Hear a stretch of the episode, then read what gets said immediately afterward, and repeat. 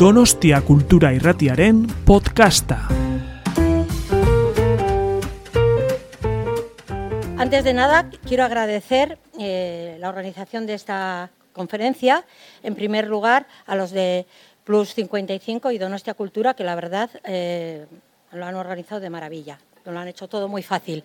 Y también quiero agradecer al teléfono de la Esperanza de Guipúzcoa, en particular a, a Maribel Pizarro, a Maite González y a Maite Erro, porque la iniciativa viene de ellas. Han hecho un pequeño estudio sobre el miedo dentro con los voluntarios y voluntarias del teléfono de la Esperanza de Guipúzcoa.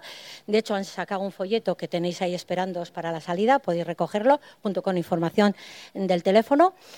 Y eh, bueno, se empeñaron en hacer alguna charla eh, sobre este tema. Yo les dije que, claro, que ellas también podían hacerlo porque ambas son psicólogas y, muy buenas. Eh, pero bueno, se empeñaron y, en fin, aquí estoy y espero no defraudar su confianza. Gracias. Bueno, me piden que hable del miedo. Y, bueno, lo primero que me pregunté yo es, bueno, ¿qué es esto y qué, idea tiene la gente? Entonces, casualidad, me pasaron eh, los papeles con los que ellas habían trabajado y me encontré que habían preguntado a los voluntarios y voluntarias de, del teléfono cómo veían ellos el miedo. Y resulta que esta, estas respuestas eh, se repetían bastante algo que bloquea la vida, las energías, las ilusiones y la alegría, una emoción negativa, paralizante, eh, de nuevo se repetía la palabra paralizante, en fin. Yo lo que encontré, y luego en otros contextos también, cuando sale el tema del miedo, parece que eh, predomina una visión bastante negativa, como um, de una emoción desagradable que tiene efectos muy negativos y que hay que tratar de vencer. Bien, yo con lo que, por lo que un poquito sobre el miedo, con lo que más o menos he estudiado, pues me parecía que a esta idea había que darle una vuelta. ¿no? Y es lo que voy a intentar hacer aquí. Eh, para empezar, ¿por qué cosas sentimos miedo? Pues por cosas a veces de lo más nimias, miedo, bueno, a un examen no sé si es tan nimio, pero bueno, pues miedo eh, eh, a veces en niños a las tormentas, eh, miedos al dentista, a las alturas y también a cosas de lo más serias, como puede ser la enfermedad y en concreto la muerte, y más en gente pues ya de esta edad, ¿verdad? ¿Qué es entonces eso que designamos como miedo para abarcar experiencias tan, tan diferentes? Eh, yo diría, para empezar, para empezar por lo, más elemental, que el miedo es una emoción y en concreto una emoción básica. Pero bueno, ¿qué es una emoción? Porque no sé, ay, me emociono, me afecta tal. ¿Qué es una emoción realmente? Bueno, hoy en día tenemos la idea de que una emoción es una respuesta ante algo significativo que está sucediendo en el ambiente, ante algo importante. ¿Importante para qué? Para nuestras metas, nuestros objetivos, nuestros intereses, nuestros valores, lo más, eso que nos preocupa realmente. Si nos emocionamos, emocionamos por algo es porque está pasando algo que nos toca, que nos, toca la fibra en algún eh, elemento importante. Bien. Pero las emociones, además de eso, eh, nos, sitúan con respecto a lo que va sucediendo. ¿eh? Nos sitúan con respecto a lo que va sucediendo y de algún modo nos orientan sobre qué respuesta dar. Vamos a poner algún ejemplo. Por ejemplo, eh, tres ejemplos. En el caso de la ira, ¿qué ha sucedido? En el caso de la ira, la persona evalúa de algún modo, equivocadamente o no, que se ha encontrado con un obstáculo, algo o alguien se opone a sus metas, a sus, a, sus planes y, y, le frustra. A veces, bueno, esto puede ser una emoción más compleja, si esto es de modo injusto o no, voluntariamente o no, pero esto es lo esencial. En el caso de la, de la culpa, eh, lo que tenemos es que la persona siente que personalmente ha hecho algo que está mal, algo que está mal con una connotación moral, desde el punto de vista moral. ¿eh? Y finalmente, por ejemplo, en el caso del orgullo sería todo lo contrario. Es cuando la persona percibe en lo que está sucediendo que ha hecho algo que está, que está bien, que puede ser desde el punto de vista moral, el orgullo moral, o en cualquier otro ámbito, como en el laboral, el deportivo, etc. Bien, es decir, que son respuestas ante aspectos significativos que están sucediendo, elementos significativos, y nos sitúan al respecto, nos dicen ¿Qué hacer al respecto? Cada emoción conlleva una determinada tendencia de acción. Así vemos, por ejemplo, que en el caso de la ira, no solo nos dice que alguien se opone a nuestros planes, sino que además creemos que tenemos que atacar, que tenemos que enfrentarnos a eso y eliminar el obstáculo. En el caso de la culpa, cuando realmente nos sentimos culpables, sentimos que tenemos que reparar el mal que hemos realizado. Y en cambio, en el caso del orgullo, lo que experimentamos, vivenciamos, es la, la, idea de que vamos por buen camino y tenemos que seguir adelante más o menos en esa línea. Nos sentimos reforzados.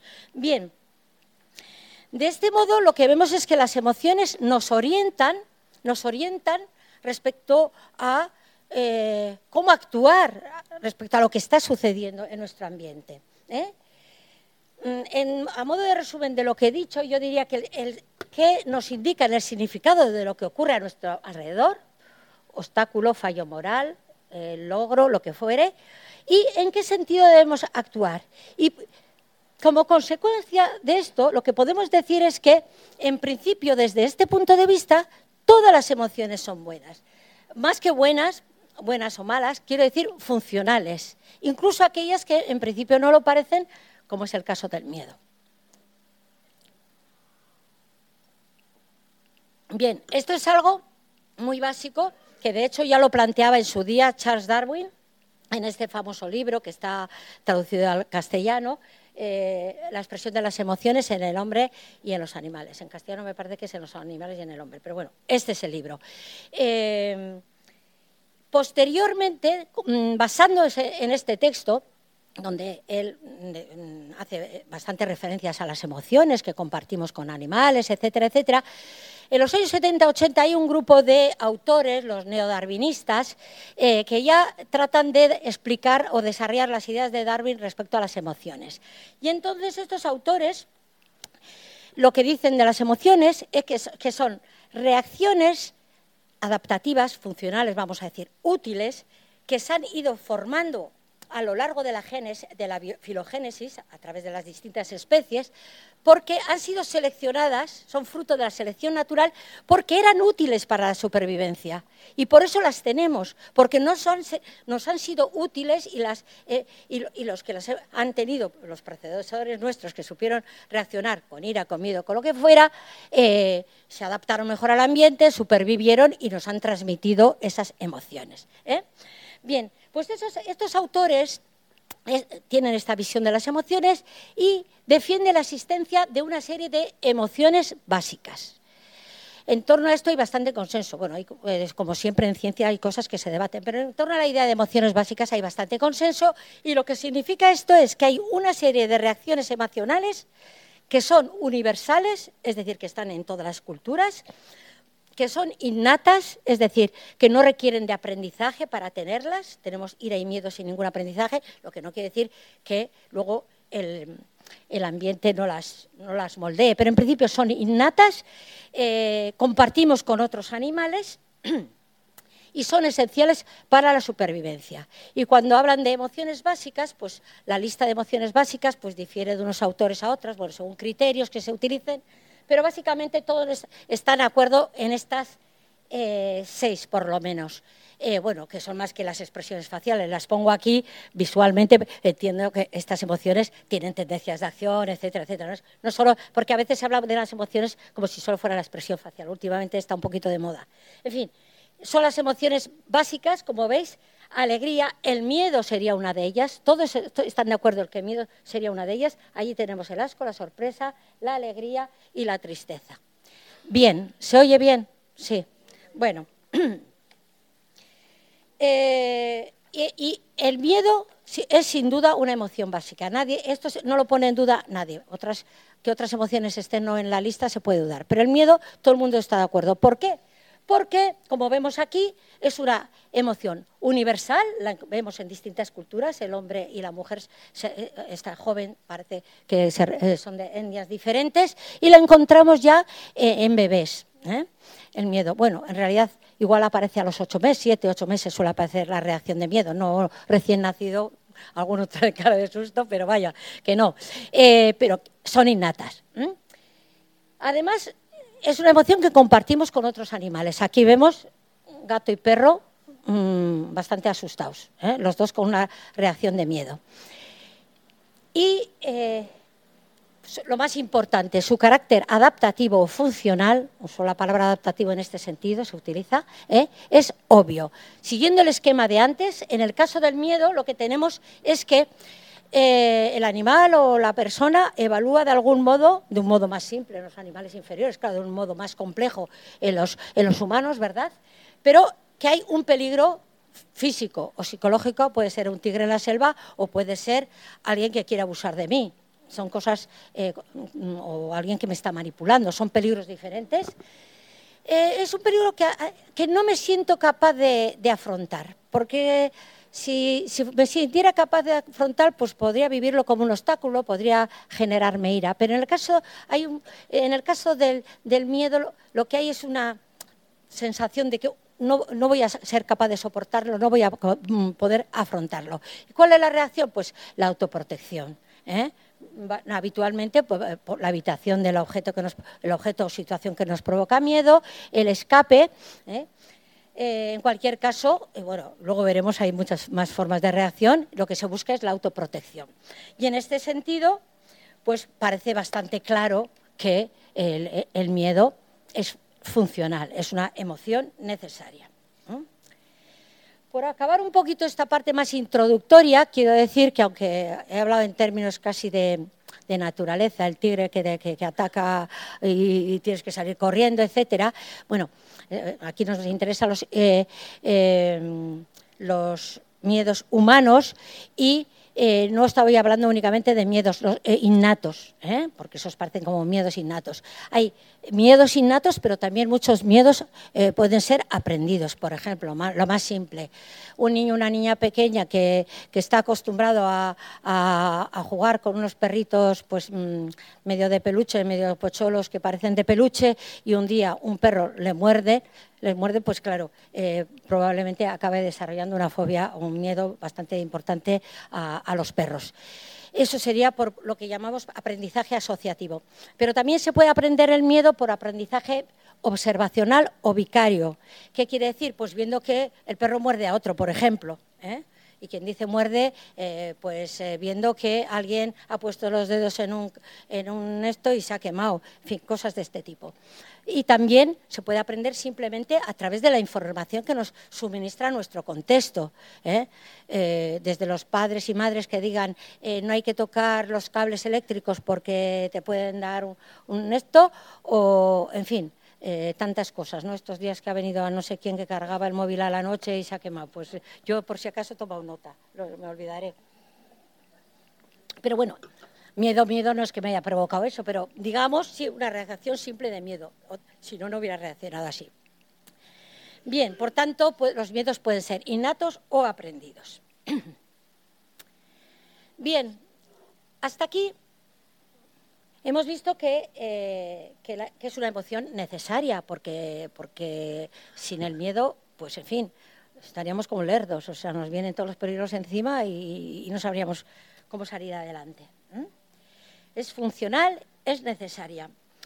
Pero también es verdad, y algo de razón podían llevar eh, estas, las voluntarias y voluntarios del Teléfono de la Esperanza de Guipúzcoa, eh, cuando decían que podía ser paralizante, desagradable, etcétera, etcétera. Probablemente porque ellos están eh, más cerca de la gente que sufre mm, de, este de otros problemas y en concreto también de este. Bueno, tiene una experiencia más clínica. Yo hablando, estoy hablando en términos generales. Lo cierto es que sí, que, puede ser una experiencia muy desasosegante, desagradable y que puede tener efectos paralizantes. Eh, lo que vemos es que, a, diferencia de lo que ocurre en los animales, y sobre todo en los animales más inferiores, pues los humanos tenemos una capacidad de, de raciocinio y sobre todo una imaginación terrible y a veces se nos dispara y es fácil que los temores disparen a veces elaboraciones bastante eh, oscuras que acaban y acabamos construyendo una especie de monstruo que todo lo ensombrece y que lo que genera es tristeza, pesadumbre y verdadero temor. ¿eh? Entonces a veces la experiencia puede ser muy fuerte.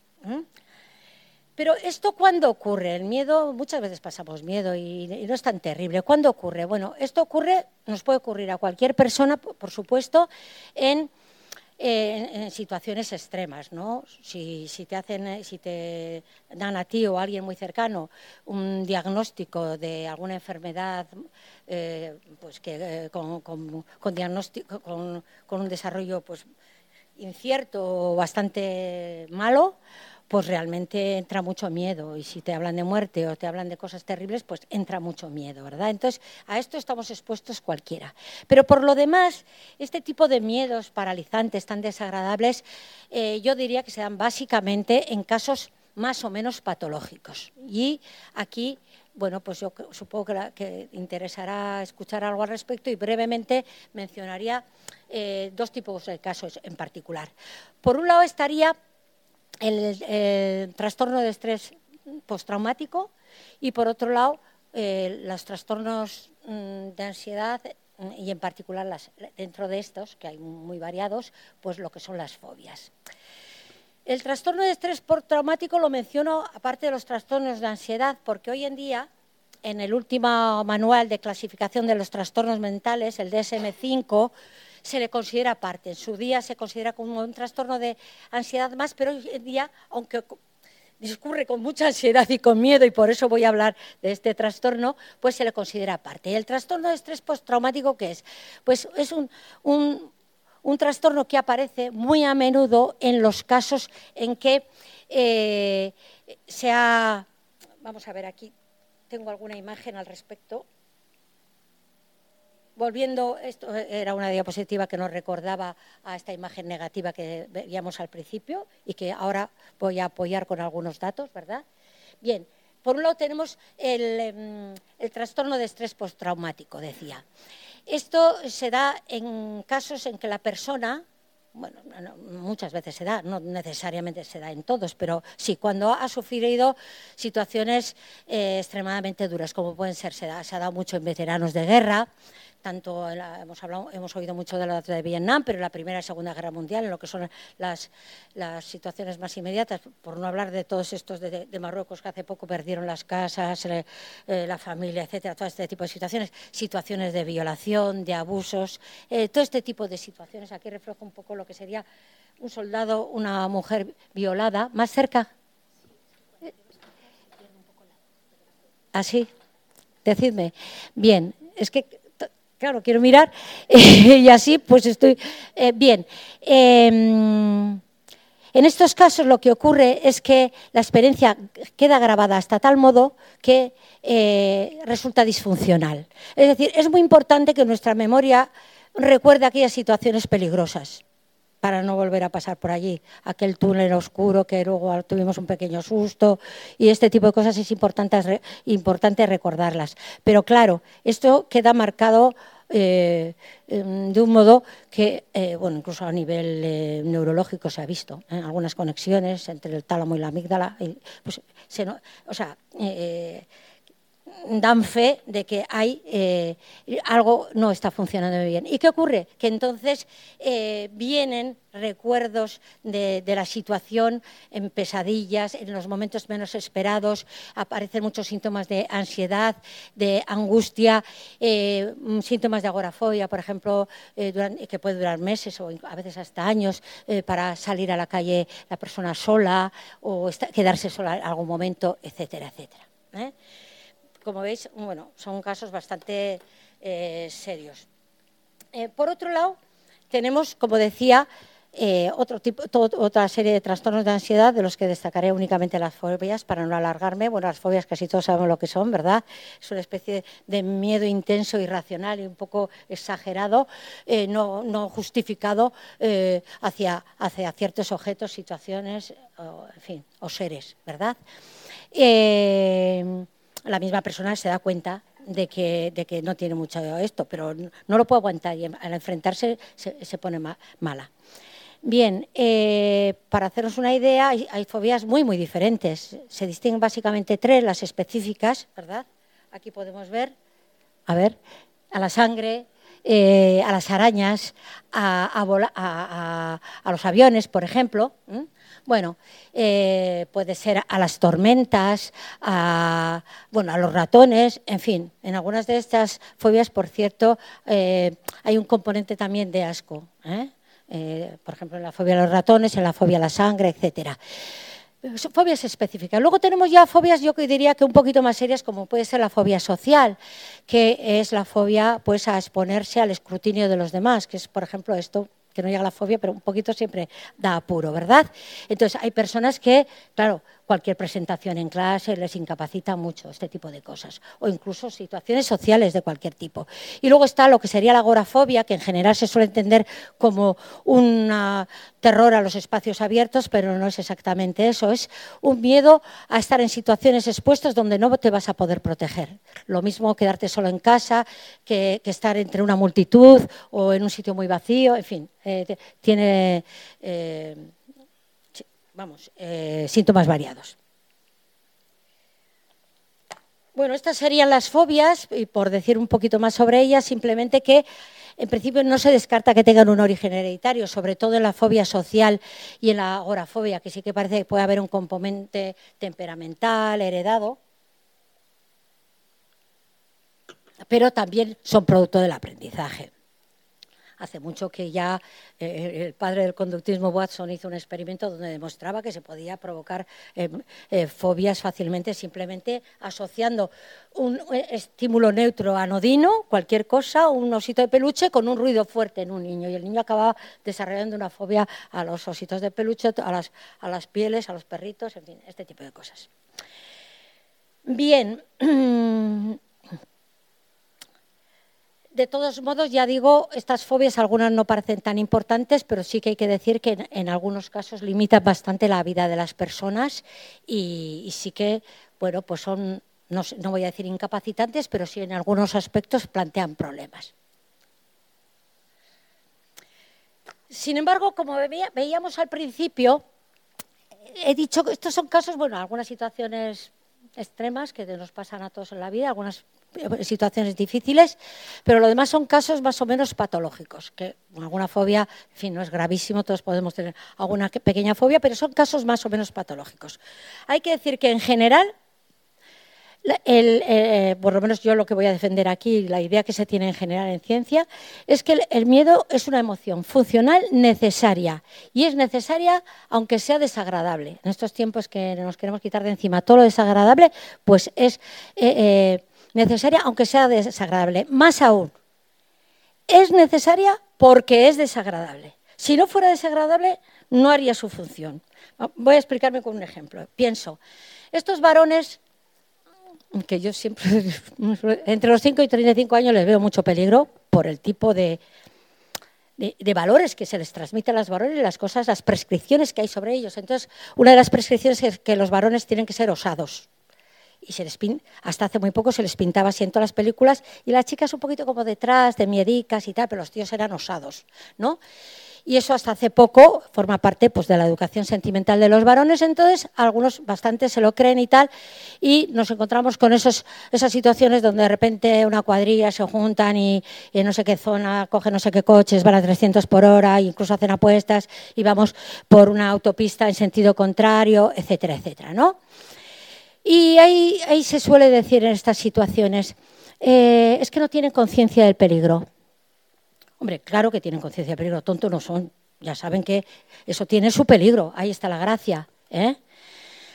Lo que pasa es que ellos tienen que ser machotes y tienen que hacerlo, ¿eh? y ante sus colegas o lo que sea, y, vencen el miedo, porque a veces, pues sí, habrá, habrá, que vencer quizás el miedo. Aquí, no sé si era el lugar, vencen el miedo y lo hacen. ¿Cuál es el problema? ¿Es que no tienen conciencia del peligro o es que no sienten miedo? El problema es que no sienten el miedo. Es decir, no se permiten sentir el miedo. Es el miedo lo que te hace decir, ostras, yo ya he dicho, pero yo voy a decir que estoy enfermo ese día, cualquier cosa. Es el miedo el que te echa para atrás. Por tanto, eh, yo diría que eh, es ese carácter desagradable de la experiencia subjetiva lo que le da su valor motivacional al miedo. Aquí lo tengo puesto, por subrayarlo. ¿eh? Es justamente el carácter displacentero del miedo lo que da a esta emoción su valor motivacional. Consecuencia de esto, y ahora con esto quería pasar a otro tema que me parece importante, Pues que quizás no sea buena idea tratar de eh, desembarazarse de esta emoción sea como sea, que es algo que, pues desgraciadamente, hacemos eh, habitualmente, o, podemos hacer bastante. Permitidme un poquito de agua.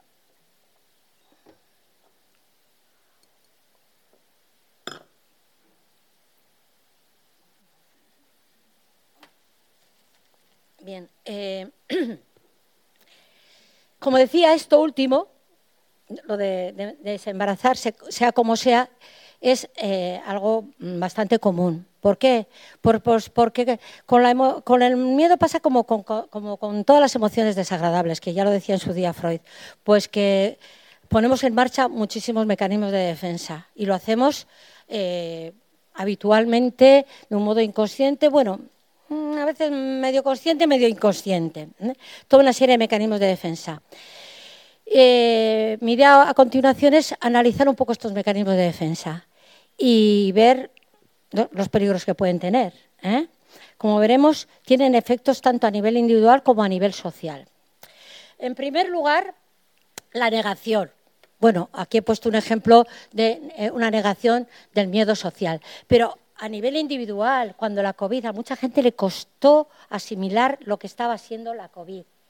La COVID, el COVID, porque ahí anduvimos con los artículos. Bien, eh, costó y a veces cuesta, hay gente que no, no quiere, niega la enfermedad, yo, bueno, desgraciadamente conozco así algunos casos, ¿no?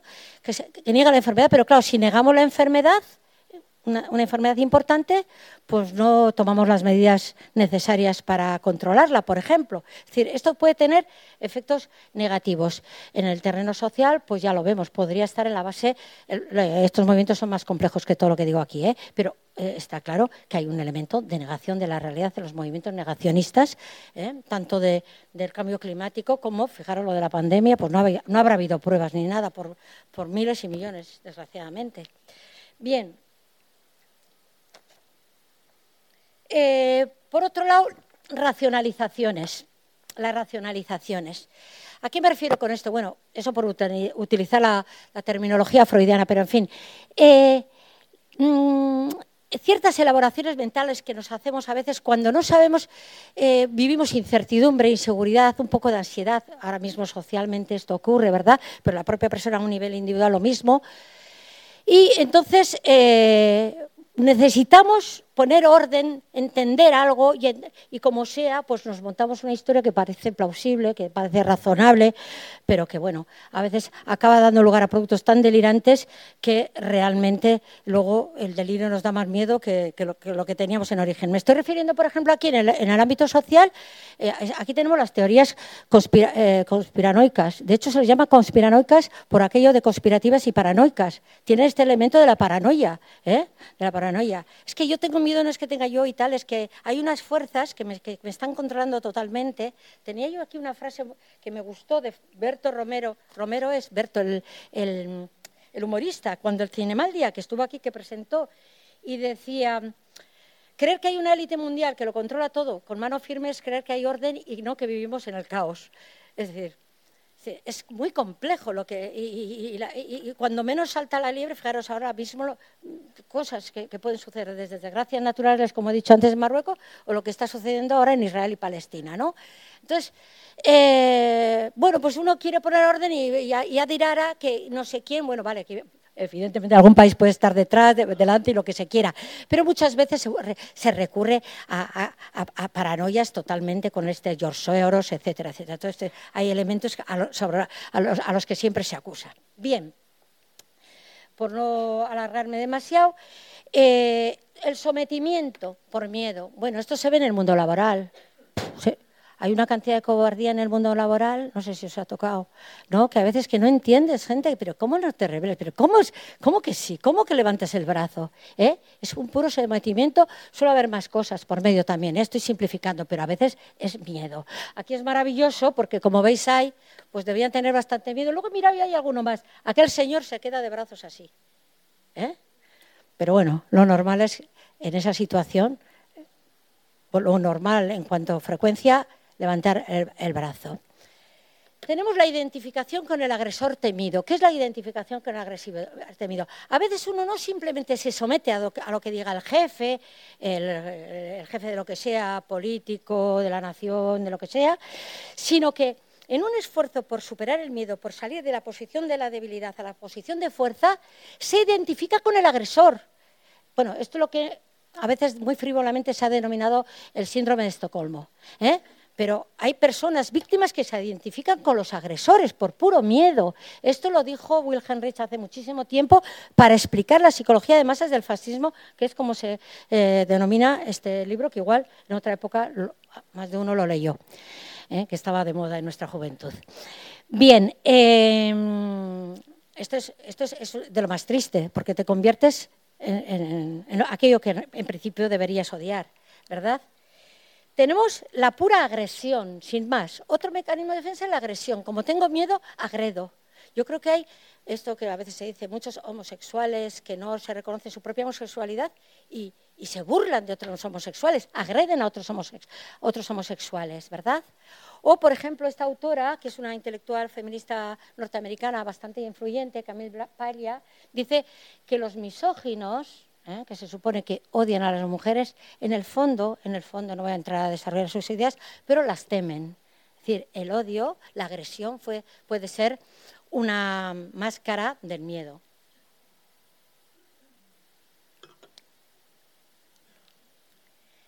Eh, cosas más simples, que igual también un poquito lo hacemos todos, más inocuas también, protecciones simbólicas, ¿eh?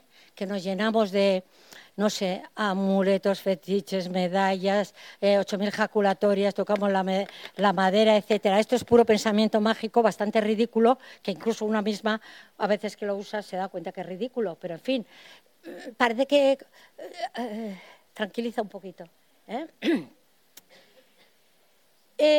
por otro lado, me pregunté yo preparando esto si la literatura de, de terror y el cine de terror también no funcionarían como mecanismos de defensa. Y yo creo que sí, pero entraría en una categoría un poco más interesante que las anteriores, que sería lo que Freud denominaba una sublimación. Porque las películas de terror tú puedes vivir situaciones terroríficas, pero bueno, pero no, no te está pasando a, ti mismo en, tu, propio, en tu propio cuerpo. ¿eh? Y de algún modo puedes experimentarlas, incluso puedes aprender formas de afrontarlas, e incluso algunas de ellas, porque pueden acabar bien, pues generar algo de esperanza. En este sentido, por ejemplo, es muy interesante, cuando me puse a mirar sobre esto, vi que hay una autora, una socióloga, Margie Kerr, que estudia este, este, este, tema. Y esta mujer dice pues, que cada época un poco eh, crea sus propios monstruos, ¿no? que reflejan sus propios temores. Y es curioso que la película famosa de Godzilla se, se, produjo, bueno, es de un autor eh, japonés que la hizo después de la, de, la bomba atómica eh, y entonces parecía bastante eh, comprensible que, o sea, se podía entender este terror de que un lagarto se convirtiera en un monstruo, un monstruo que aterrorizaba en la pantalla pero luego al cual se le vencía. Bien. Bien, y hablando de, la literatura de terror, pensaba también en lo que es la comedia eh, de terror, ¿eh? que tiene, nos permite al mismo tiempo reírnos, ¿no? Porque ya sabemos que a veces es ridículo nuestro miedo, pero entonces pues, te ríes un poquito y tal. Bueno, esto parece también, no sé cuánto alivia, pero bueno, parece que es sano en las, eh, cuando no se está tan mal jugar un poquito a esto. Y dicho esto, por ejemplo, el humor negro. ¿eh? Que, hay, gente que lo utiliza en situaciones extremas. ¿eh? Y bueno, pues hay gente que lo lleva mejor, que, hasta la tumba se va con el humor y lo lleva mejor, el terror que tiene. ¿eh? Curiosamente suelen ser aficionados también a la literatura de terror, etcétera, etcétera. Bueno, y por último, entre las defensas contra el miedo, eh, hay, que mencionar, creo yo, aunque esto requería más, más, análisis, por supuesto, no puedo reducirlo todo a esto, pero sin duda una defensa contra el miedo muy potente es la religión, ¿verdad? La religión, cuando habla de la... Ay, perdón, me he saltado esta diapositiva que me refería a otra forma de sublimación, son las artes plásticas. ¿eh? Este era el famoso eh, grito de Munch, ¿verdad? ¿Eh? También, bueno, pues en este caso el miedo le ha permitido expresarse al autor o a la autora eh, mientras lo elaboraba, etcétera, etcétera, ha ido elaborando su experiencia y al mismo tiempo ha producido una obra de arte. El beso de la muerte es de un catalán, pero no sé exactamente porque es de un, es de un eh, equipo, no sé el autor propiamente. Bien, pero eh, decía, dicho esto, estaba hablando de la religión, evidentemente es un algo mucho más complejo, pero en buena medida, eh, ya lo han planteado muchos autores, desde luego Sigmund Freud y también, por ejemplo, Stephen Jay Gould, que es un eh, paleontólogo y un biólogo evolucionista, gran divulgador científico muy reconocido hoy en día, y en esto coinciden ambos. Para ambos la religión sería un producto de nuestras mentes para para ayudarnos a sobrellevar que pues básicamente el miedo a la muerte y el miedo y las, incertidumbres de la vida. ¿eh? Tienes alguien a quien dirigirte. Bueno, es, muy simple entender esto. ¿eh? Evidentemente, casi todas las religiones de un modo o de otro nos prometen otra vida, es decir, eh, niegan, hay una negación de la muerte. O por lo menos de que, la, de que la muerte acabe con todo tipo de vida, con el alma. Y,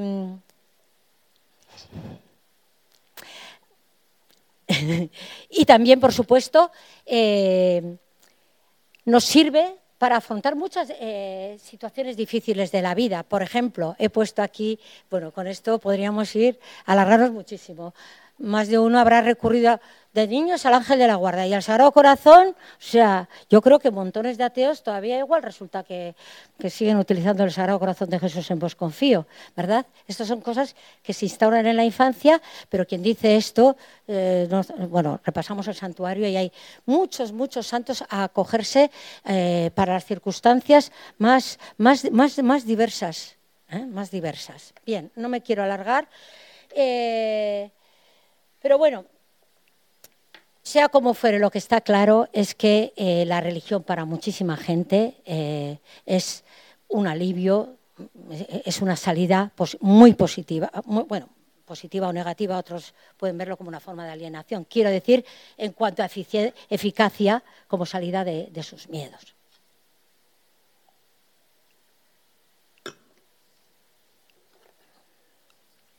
Bueno, como vemos, hay creo que se ha entrevisto en lo que he ido exponiendo al ver los mecanismos de defensa, que hay algunos que, que son bastante peligrosos, tanto a nivel individual como a nivel social, ¿verdad? Y hay otros que, bueno, no parecen tanto. Entonces, antes de pasar a otra cuestión, por una breve síntesis, ¿qué diría yo? Luego, esto, como tantas otras cosas que estoy soltando por aquí, luego eso se puede comentar, debatir. Pero, ¿qué diría yo? ¿Cuáles serían los mejores mecanismos de, eh, más que mecanismos de formas de afrontar? Bien, bueno, eh, sin duda, todo lo que es por literatura, de terror, humor negro, etcétera, si te sirve, a mucha gente no le interesa nada, a otra gente eh, le viene bien y hasta el humor le viene bien. Por supuesto, rezar para quienes tengan fe y sean creyentes, pues también les viene muy bien volcarse en la religión, ¿verdad? Eh, otra cosa que no menciono, porque no sería propiamente un mecanismo de defensa, sino una bonita, una buena forma de afrontamiento, una positiva, sería el poner las cosas en perspectiva. ¿eh? Eh, por ejemplo, ante un examen. Estás nerviosísimo con el examen luego piensas, un miedo con el examen, luego piensas, joder, en la vida, la de cosas que hay más importantes que un examen, por Dios, que tampoco me juego. Eso sería poner en perspectiva. Leía en este sentido en una reciente entrevista al escritor y periodista Sergio del Molino, que es muy interesante, sabéis, no sé si lo conocéis, pero ha, escrito un libro sobre la muerte de, su hijo de dos añitos.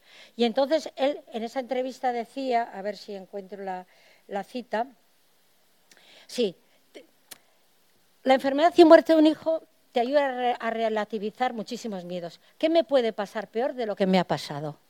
¿Eh? Eso es, poner en perspectiva las cosas. ¿eh? Eh, pero vamos, este es un caso fuerte. En caso, eh, de, un modo más sencillo, pues todos podemos hacerlo. Esta sería una buena forma. Y luego la mejor, yo diría, las, mejores formas de, afrontar el miedo, yo diría que es pues mirar del frente al miedo y analizar de forma realista las mejores formas de afrontar el problema desde la razón, o sea, que también tenemos razón, y templar la situación.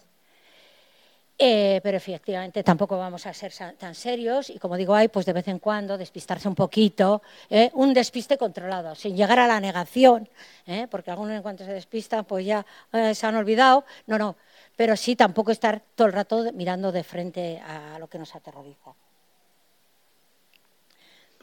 Bueno, esto un poco por lo que toca a cómo reaccionamos en principio, sobre todo, he hablado de cómo, reaccionamos bastante mal para escaparnos del miedo, pero bueno, también se han visto formas mejores y cuáles podrían ser eh, pues, las adecuadas desde mi punto de vista. Igual alguien tiene mejores recetas. Eh, y con esto pasaría un poco a la última parte de la charla. Aquí hemos visto que hay formas positivas y negativas de enfrentarse al miedo, pero vemos que algunas de el miedo, ¿eh? a veces, sobre todo vía ciertos mecanismos de defensa, los que hemos visto ahí, racionalizaciones, negaciones y tal, eh, pueden tener efectos muy indeseables, muy negativos, pueden ser, tener efectos peligrosos ¿eh? en el individuo y en la sociedad de hecho, un terreno donde creo que los, eh, efectos pueden ser más peligrosos es en el ámbito social. ¿Eh? Y me quería referir un poco a esto en esta última parte, me quería referir al miedo colectivo. ¿Qué pasa con los miedos colectivos y las formas de enfrentarnos a ellos que pueden dar lugar a fenómenos un poco eh, preocupantes, bueno, más que preocupantes, realmente preocupantes.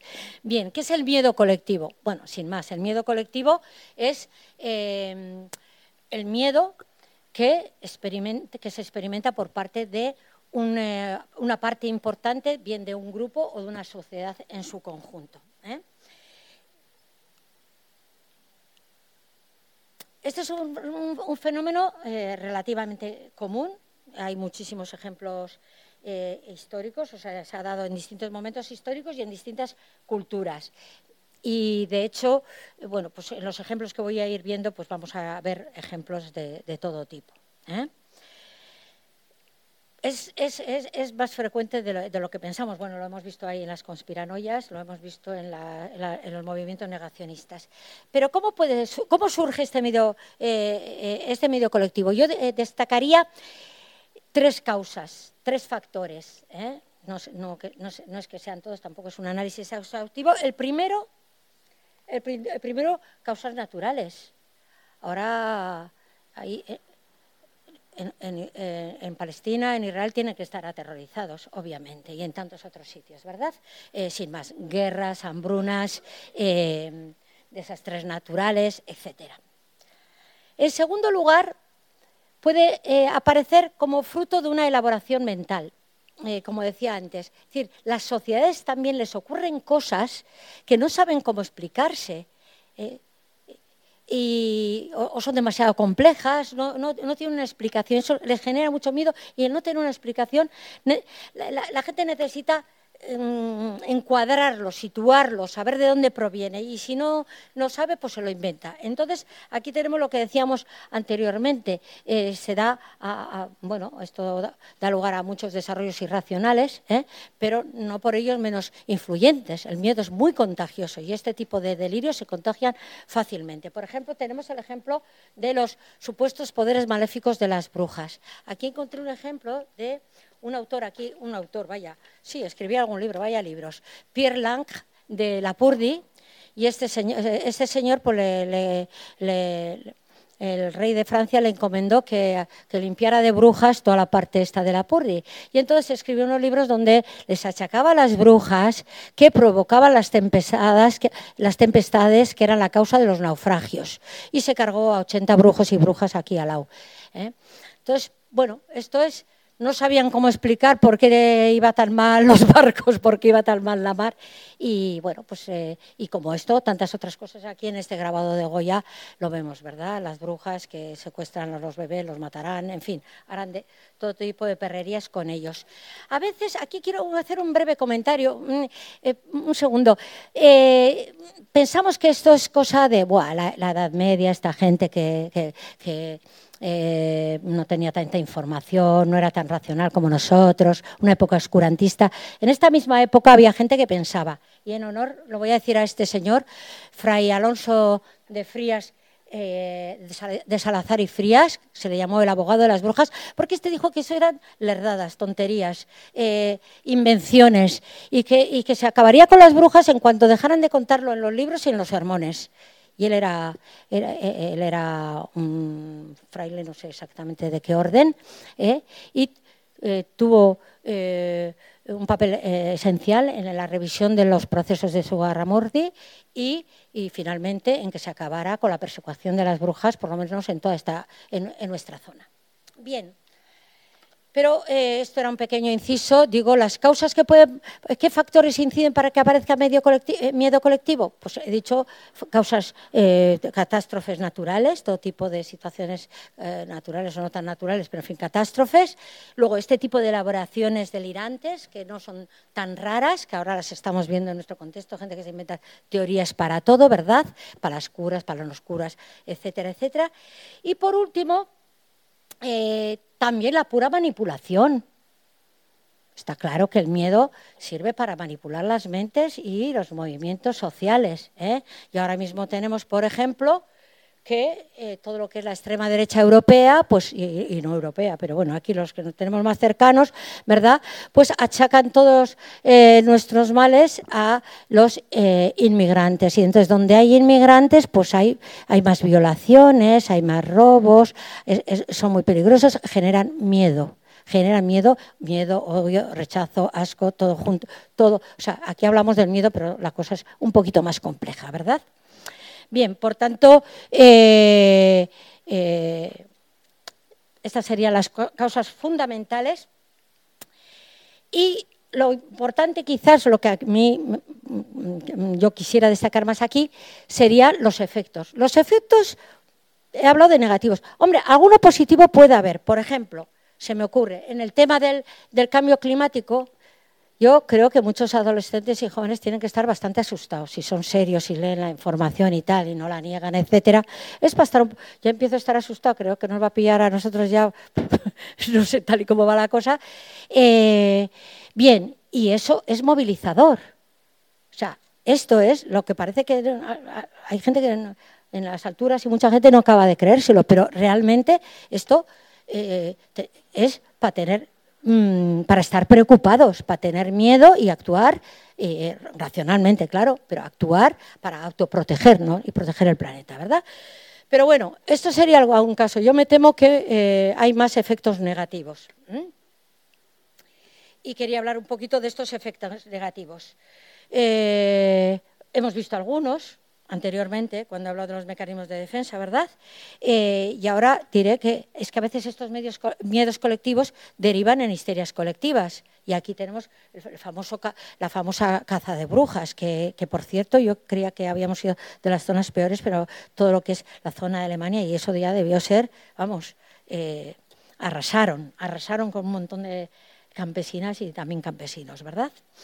Con la cosa de que provocaban los males en las cosechas, y etcétera, etcétera.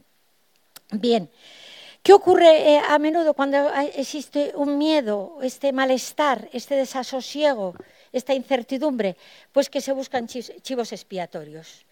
¿Qué es un chivo expiatorio? Bueno, todos lo conocéis, pero para recordarlo, eh, un chivo expiatorio es una persona o un grupo sobre el cual, eh, al cual se le atribuyen todas las culpas de algo mm, desagradable que está pasando en el ambiente, de lo cual los culpables, por supuesto, son otros, ¿verdad?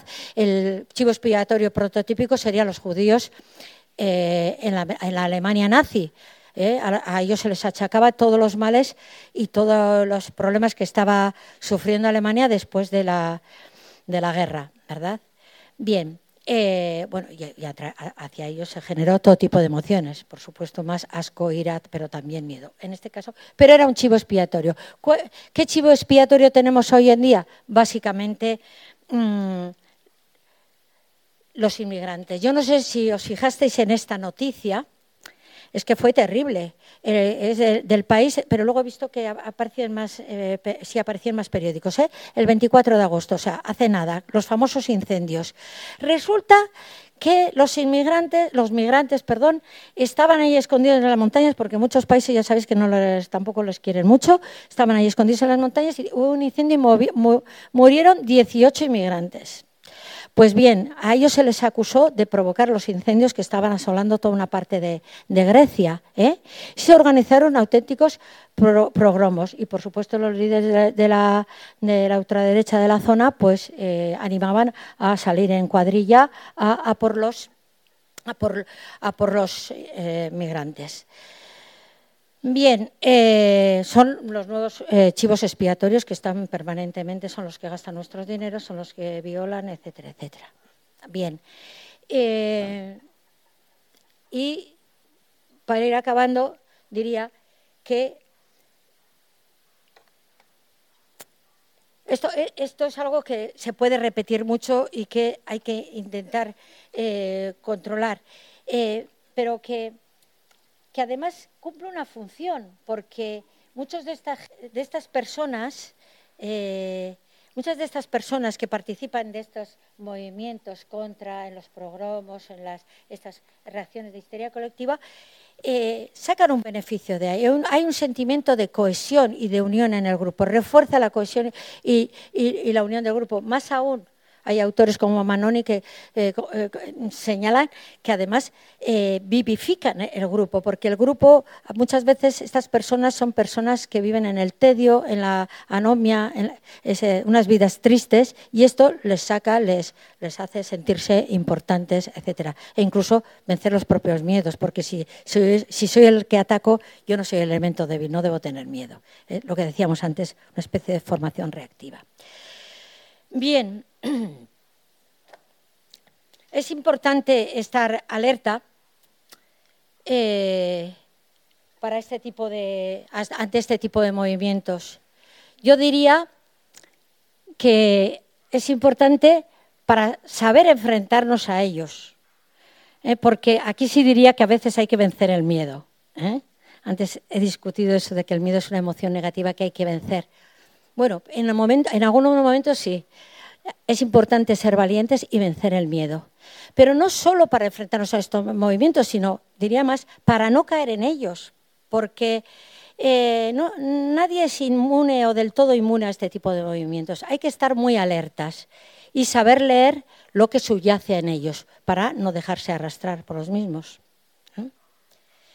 Bien, con esto habría acabado y quería explicar un poco el título de la eh, conferencia. Como conclusión, yo creo que a lo largo de la, charla se ha podido ver que eh, el, miedo es una emoción paradójica, ¿eh? porque, como digo, ahí nos libra de un peligro para lanzarnos a veces a otros aún peores, de los cuales no tenemos conciencia.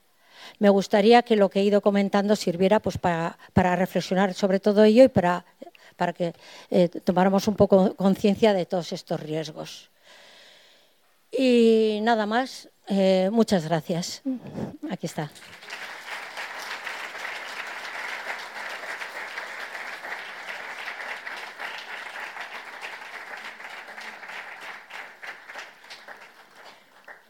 Bueno, supongo que, que, me habré dejado montones de cosas en el aire que igual alguien quería que hubiera tocado y no he tocado y luego cosillas que no estéis de acuerdo o que queráis que desarrolle más o lo que queráis. Laura os da el... Si queréis hacer alguna pregunta, levantéis la mano y os acerco el micro, ¿vale? Y al salir tenéis aquí unas publicaciones sobre, sobre el miedo del teléfono de la esperanza de Guipúzcoa. Tenéis en euskera y castellano, aquí a la salida, ¿vale? perdona, se me había olvidado decirlo, ¿no? Tranquilo. Sí, sí. De aquel estudio se llevó ese texto que está ahí y también información sobre el teléfono. Venga, animaros, que no hemos hecho más que empezar.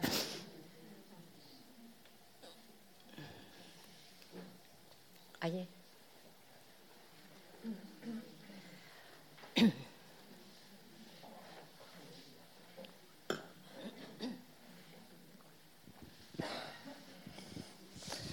Hola, buenas. Eh, bueno, yo me considero una persona muy miedosa. Me da miedo todo. Entonces, eh, cuando empezó la guerra de Ucrania, dejé automáticamente de ver noticias. Ni ver ni oír. Y siempre me ha gustado estar un poco al día. Pero ya no lo hago porque me da miedo de lo que pueda oír. No sé si es muy normal o... Gracias. Lo hace mucha gente. Eh, un poquito de vez en cuando, yo a veces también ya oigo a alguien que dice no sé qué, ah, lo cancelo, digo, ala, le quito, tengo poder de quitarlo. Eh, pero yo creo que casi es un deber moral estar informados. Ojo, de vez en cuando despistarse, de vez en cuando em, hacerse longis. Pero a mí me parece que, y luego para poder opinar incluso sobre nuestro propio contexto, tomar decisiones, la información, hombre, luego hay que eh, informarse bien, todas estas cosas, contrastar y tal. Eh, si te lo pasas fatal, pues en fin. Pero yo creo que un poquito hay que seguir un poco con la distancia, los titulares, algo, sí. Es mi opinión. Sí, eso sí que suelo, ¿eh? pero ah, muy pues por encima, muy por encima. Pero vamos, no me meto. Aparte de que eh, yo creo que ahora muchas de las cosas que nos dicen y que nos cuentan son mentiras. No sé. eso, eso, eso me parece peligroso decirlo. Eso me parece peligroso. Evidentemente tenemos que tener mucho cuidado con las famosas denominadas fake news porque hay gente que quiere manipularlos, eso es verdad, pero ojo, de ahí a decir que hay todo mentira, hay gente que se juega la vida para informarnos en muchas guerras, y no solo en guerras, hay gente que se juega el tipo en los periódicos para decir la verdad. Y hay periódicos de muchos estilos, hay periódicos más serios, menos serios, hay periodistas más creíbles, menos creíbles, hay cadenas más creíbles, menos creíbles, y todo, y, si no te crees ninguna, porque a veces la verdad, pues bueno, contrastando un poquito, hay que hacer un poquito de trabajo, pero decir que todo es mentira es peligrosísimo, porque entonces todo es igual, todo es igual, le damos el mismo valor al que dice la verdad que al que dice la mentira, igual que que dice la verdad es se está esforzando para ayudar, por ayudarnos. Yo eh, ahí sí que no, no coincido. Creo que, que, que, hay gente que, informa muy bien, muy bien, y, curra muy bien, trabaja, trabaja. Sí. El, micrófono pide aquí, aquí, aquí luego, luego, luego te dan. Eh, muy buenas, gracias por la conferencia. Eh, mira, yo quería preguntar, a ver qué opinas sobre los miedos infundados. O sea, pasar miedo antes de que ocurra algo, de que ocurra algo. Por ejemplo, eh, ay, mira, me duele tal cosa y tal, tengo que ir al médico. Pero si me dice tal, y si me dice cuál, y si tengo cáncer, y si tengo no sé qué. Quiero decir, adelantarte antes de, de que pase nada, ¿no? O, o el hijo que se va a ir fuera, pues de juerga por ahí y tal, y fíjate, y no sé qué, y no duermo y tal. Todo ese tipo de cosas, ¿por qué nos pasa? O sea, yo, eh, creo que depende de cada uno para, para, no pasártelo mal, ¿no? Pero es que yo veo muchísima gente que, que, lo pasa muy mal y que tiene mucho miedo.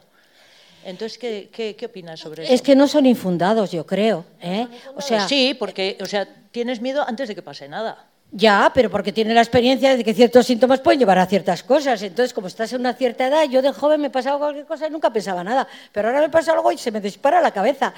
Quiero decir, eh, el hijo eh, o la hija que va, ahora tienes más conciencia, más, más conciencia, perdón, de ciertos riesgos, y, o sea, infundados no son. Otra cosa es que luego hay gente que puede ser particularmente ansiosa. O sea, porque sean antes de que suceda nada, no es que esté infundado, están perfectamente fundados en la experiencia pasada, tuya o de en general, de tu información, estás informado y eso tiene sus riesgos. Entonces, no están infundados. Lo que pasa es que luego sí hay gente o, demasiado ansiosa, que será para otras cosas, o excesivamente protectora, si es el caso de hijos e hijas, que hoy en día parece que se deja estar un rato quieto sin, sin dar cuenta de lo que, dónde está, qué hace, etcétera, etcétera. Entonces, claro, eso ya es otro tema si la persona es ansiosa, pero preocuparse y sobre todo, por ejemplo, el tema síntomas, eh, bueno, eh, bueno, hay gente que, bueno, luego ya es carácter, hay personas que son más despreocupadas, pero no me parece que fuera infundada ni nada raro. Yo creo que eso lo veo natural. Yo, si alguien piensa otra cosa. Gracias. A ver, ¿quién había preguntado por aquí? Ahí había una mujer. ¿Quién? Y luego, ay, ay, ay, en tercera fila, aquí. Si levantas la mano, por favor, es que si no. Gracias. Gracias por la conferencia. Yo, bueno, un poco al hilo de lo que le ha hecho la otra señora, eh, que puedes tener eh, durante la vida miedo, por ejemplo, pues o tengo miedo a los perros o a subirme un ascensor, o sea, miedos que tienes siempre y tal. Pero luego, por ejemplo, pueden aparecer miedos o porque eh, que no te pensabas que podías tener o que piensas eso, en tener miedo en algo que nunca has tenido. Es la edad. Para empezar, la edad sí, desde luego, porque los, los, miedos de un bebé bueno, del bebé. Ya, no me refiero igual, aunque sea adolescente, de 20, 30, 40, ya cuando pasamos ya los 60 y 70 o lo que sea, pues que sí que si es Yo, por la desde luego, nunca había tenido miedo a la enfermedad y ahora tengo bastante. Ya, decir, o sea que cada vez que me tengo algo, estoy ya preocupadísima. Jamás había sido una inconsciente, siempre, Ya, porque ya. no estás pensando, estás en otra cosa. Porque tiene, es bueno, ya podríamos explicar que las- Sí. los jóvenes, muchos son unos inconscientes, en el mejor sentido de la palabra lo digo, porque eso es una cosa que te protege de las aristas Sí. peores de la realidad. Entonces, sea, que puede influir Ni conciencia de la muerte, ni conciencia de la enfermedad, ni conciencia del fracaso. Van lanzados y luego ya, como ya has visto que hay, que hay enfermedad, que hay muerte, que hay fracasos, pues tienes cada vez más cuidado y cuando vas a hacer algo, pues te lo, te, lo piensas todo muchísimo mejor. Pero eso es normal. Eh, si pensamos, los, los niños de 3, 4 años no tienen los mismos miedos que los de 7, 8, que los adolescentes, que los adultos, y luego nosotros. El miedo a los exámenes se nos ha pasado, por ejemplo. O sea que, mira, mira algo, algo bueno. Maribel, aquí. Hola. Hola. Eh, mira, yo tengo una pregunta. Cuando tienes un, me- un miedo extremo o pánico, eh, muchas veces no recuerdas lo que te ha pasado, ¿no? Entonces era, es un poco a ver si nos puedes explicar o qué relación hay con la pérdida del recuerdo, quizás, ¿no? Cuando pasas situaciones de mucho miedo. A ver si está algo a nivel cerebral estudiado o esa conexión. Normalmente cuando se pasa mucho miedo, lo que pasa es justo lo contrario, que queda muy grabado. Freud en su día, yo no sé, yo no soy una psicóloga clínica, yo he hecho investigación básica, o sea que tampoco me atrevo a decir mucho. En su día, desde el psicoanálisis se diría que es un recuerdo reprimido, etcétera, etcétera. Desgraciadamente, parece ser, ahora cuando leemos sobre temas de abusos sexuales y tal, Parece que en algunos casos el recuerdo viene mucho más tarde, no sé si ha estado depositado, pero no soy, por cierto, aquí hay un compañero, que le agradezco que haya llegado, aunque haya un poco tarde, que está Javier, Javier Gómez Apiain, que igual nos puede decir algo de eso en los temas de abusos, ¿eh? Eh, que conoce, ha estudiado. Pero yo no me atrevo, en esos casos, lo demás en general en traumas lo que ocurre más bien es lo que he dicho anteriormente, se da un, trastorno de estrés postraumático donde se recuerda demasiado los, los olores, lo- los ruidos, la cara de la persona eh, de modo recurrente aparece en cualquier momento, etcétera. No, no sé. Lo que sí dicen es que en algunos momentos hay una disociación, pero en el momento. Eso sí parece que está bastante explicado en esos temas. Una disociación, pero de ahí a que no se recuerde no lo sé, no lo sé. Luego Javier, si quiere aclarar algo. Hola, buenas tardes. Yo voy a hacer alusión a los comentarios que han hecho las compañeras. La, persona, la que has comentado esos miedos ¿no? de anticiparte ¿no? ante situaciones, es verdad que es súper normal que nos anticipemos. Creo que eso también nos prepara. ¿no? A veces nos anticipamos para prepararnos eh, ante cómo vamos a ir reaccionando si sucede algo. Pero es verdad que cuando esa anticipación te lleva a, mm, te hace eh, eh, proyectarte demasiado hacia adelante y te hace sufrir mucho, yo creo que ahí es el momento de aplicar eh, algunas técnicas, como puede ser pues parar esos pensamientos, relajarte, distraerte con algo, etcétera, porque es verdad que aunque es normal, llega un momento en que si te hace sufrir mucho, lo pasas muy mal, empiezas a sentirte con mucha ansiedad, pues al final no te va a ayudar, ¿no? Entonces, eso como que igual puede servir, ¿no? Creo que sirve. Luego quería hacer una alusión al tema que ha comentado ella sobre el olvido. Bueno, yo le llamo olvido. Yo creo que el olvido es un mecanismo que nos ayuda ante situaciones que nos provocan tanto sufrimiento que hace pues bueno, que eso se tenga ahí en algún lugar y que en un momento dado se activa o a veces se activa de manera disociada. Puede haber una activación física, fisiológica, puede haber pesadillas, pero no están eh, realmente asociadas a la situación que te ha provocado ese trauma, ¿no? Pero bueno, esto ya es otro tema más, más complejo. Pero el olvido sí que actúa como un mecanismo de, de defensa ante el dolor. Si no tuviéramos olvido, yo creo que estaríamos bastante peor de lo que estamos. Creo que nos ayuda ¿no? a veces en, en la vida. Nada, sin más. Gracias.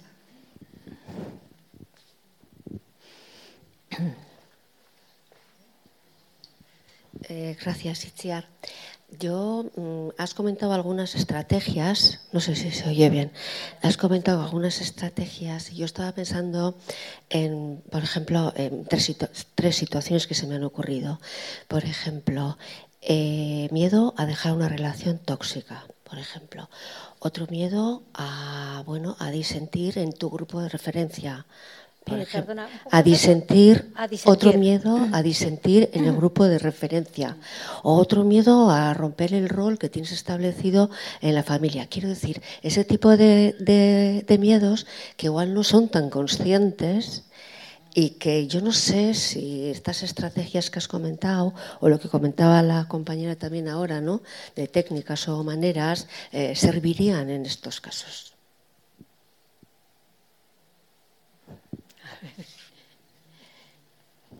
No sé muy bien qué decir, sinceramente. Eh, son eh, tres temas, cada uno muy importante. Entonces, a ver, el segundo era a dar tu propia opinión en el grupo. Es que eso no a disentir, quiero decir. Es que, es que yo, por lo, mi experiencia, es, es, poquita la gente que se atreve, incluso gente muy madura, gente intelectualmente muy buena. Y es que requiere bastante fuerza, autoconfianza, eh, igual un, fuerte amor a los propios principios, por ejemplo, también. Es que son muchas cosas las que entran ahí en juego. ¿eh? También un poco de carácter, porque hay gente que ama igualmente esos principios, pero pues eh, tiene un carácter muy apacible, maravilloso y le cuesta mucho enfrentarse al grupo. ¿no? Entran tantas cosas en juego, por ejemplo, en esa situación. A mí un poco sí me sorprende, ¿eh? lo que me parece que la gente está dispuesta a pagar poco, a sufrir poco. Es decir, pues habrá que hacerlo, ¿no? O sea, si uno disiente, si el tema es importante, y a veces eh, hay un problema de carácter y hay un problema de comodidad, porque lo más cómodo es estar callado. He cogido el segundo ejemplo. Por ejemplo, ¿eh? cada, uno, cada tema nos lleva a muchas cosas.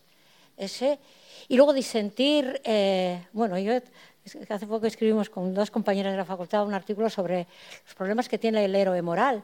Es que en realidad quien el, héroe moral se le llama a la persona que en un momento dado disiente, pero actuando bien eso genera mucho malestar alrededor, porque los demás, aunque la persona solo lo ha hecho porque cree en lo que está diciendo, hace que los demás se sientan juzgados y desvalorizados.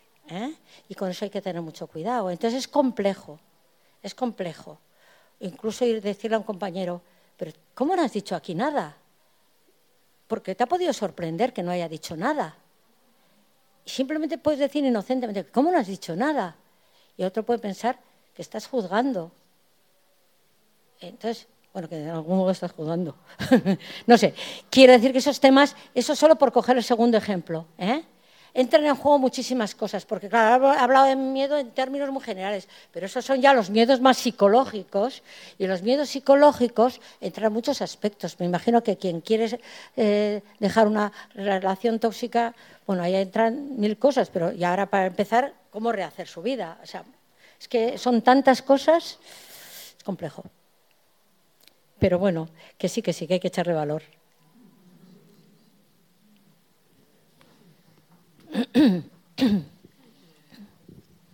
Bueno, gracias por la conferencia. Y yo quería preguntarte eh, la diferencia que hay entre miedo y angustia. No sé si es lo mismo o mm. son cosas diferentes. Bueno, a veces casi se utilizan como sinónimos, pero hay una, eh, una distinción eh, bastante clara entre ansiedad y miedo. Y digamos que la angustia sería una forma más más intensa de, la ansiedad. Entre la ansiedad y el, miedo, la, diferencia es, digamos, la, forma casi. La, ansiedad es algo más difuso, no tiene un objeto claro, no sabes por qué estás nervioso, sí, el examen, pero es una...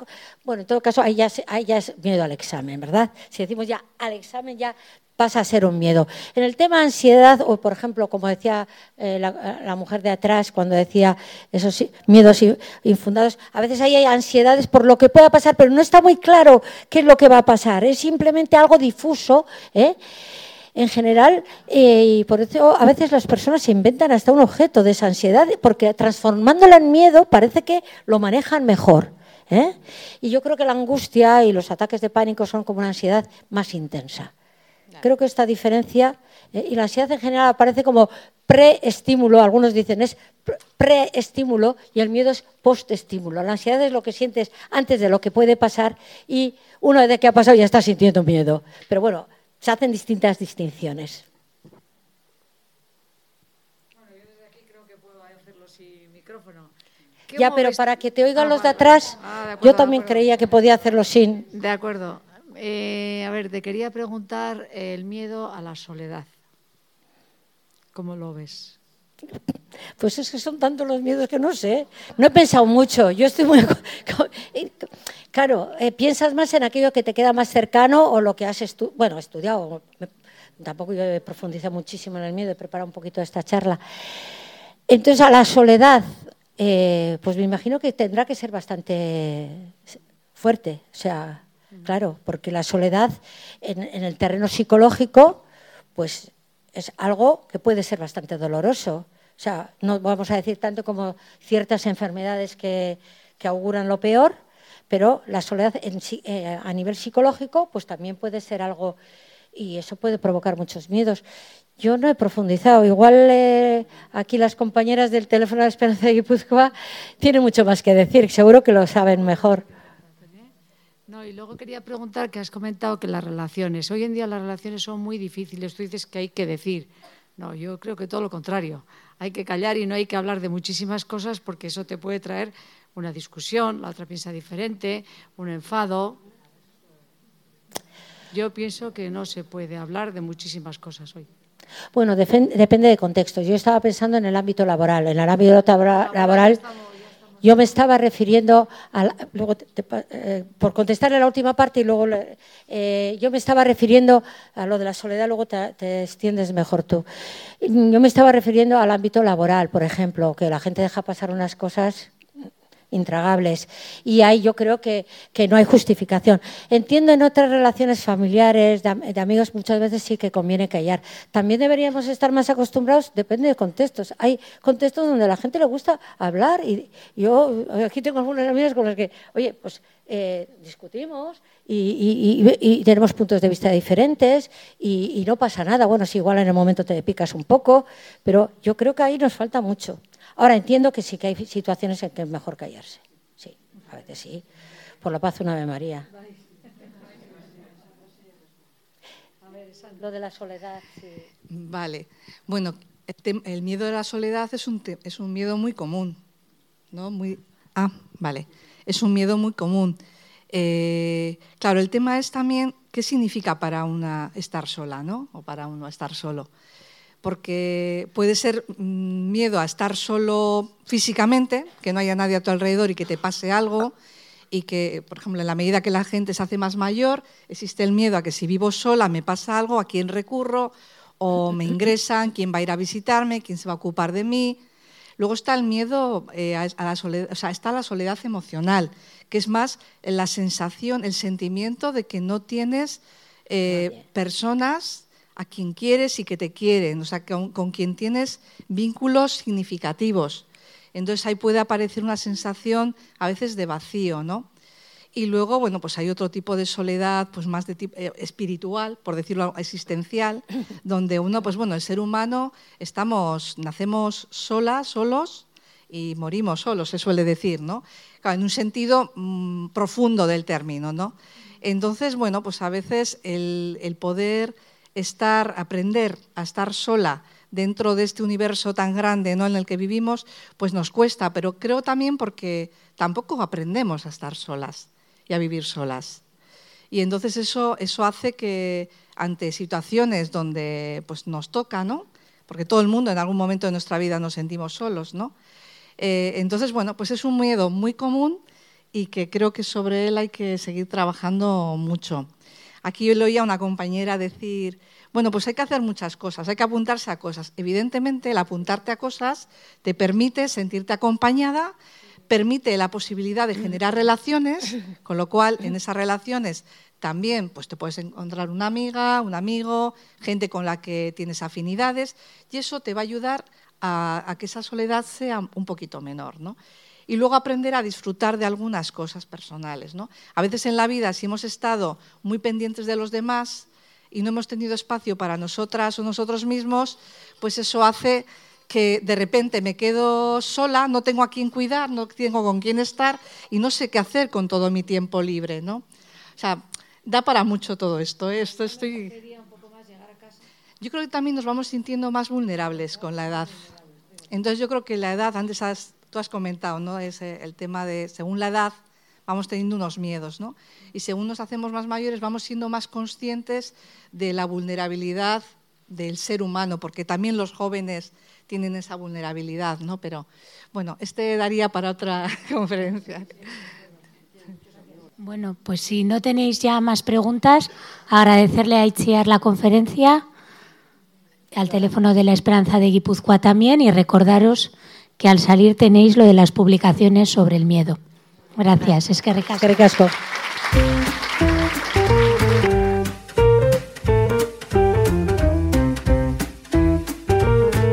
Donostia Kultura Irratiaren podcasta.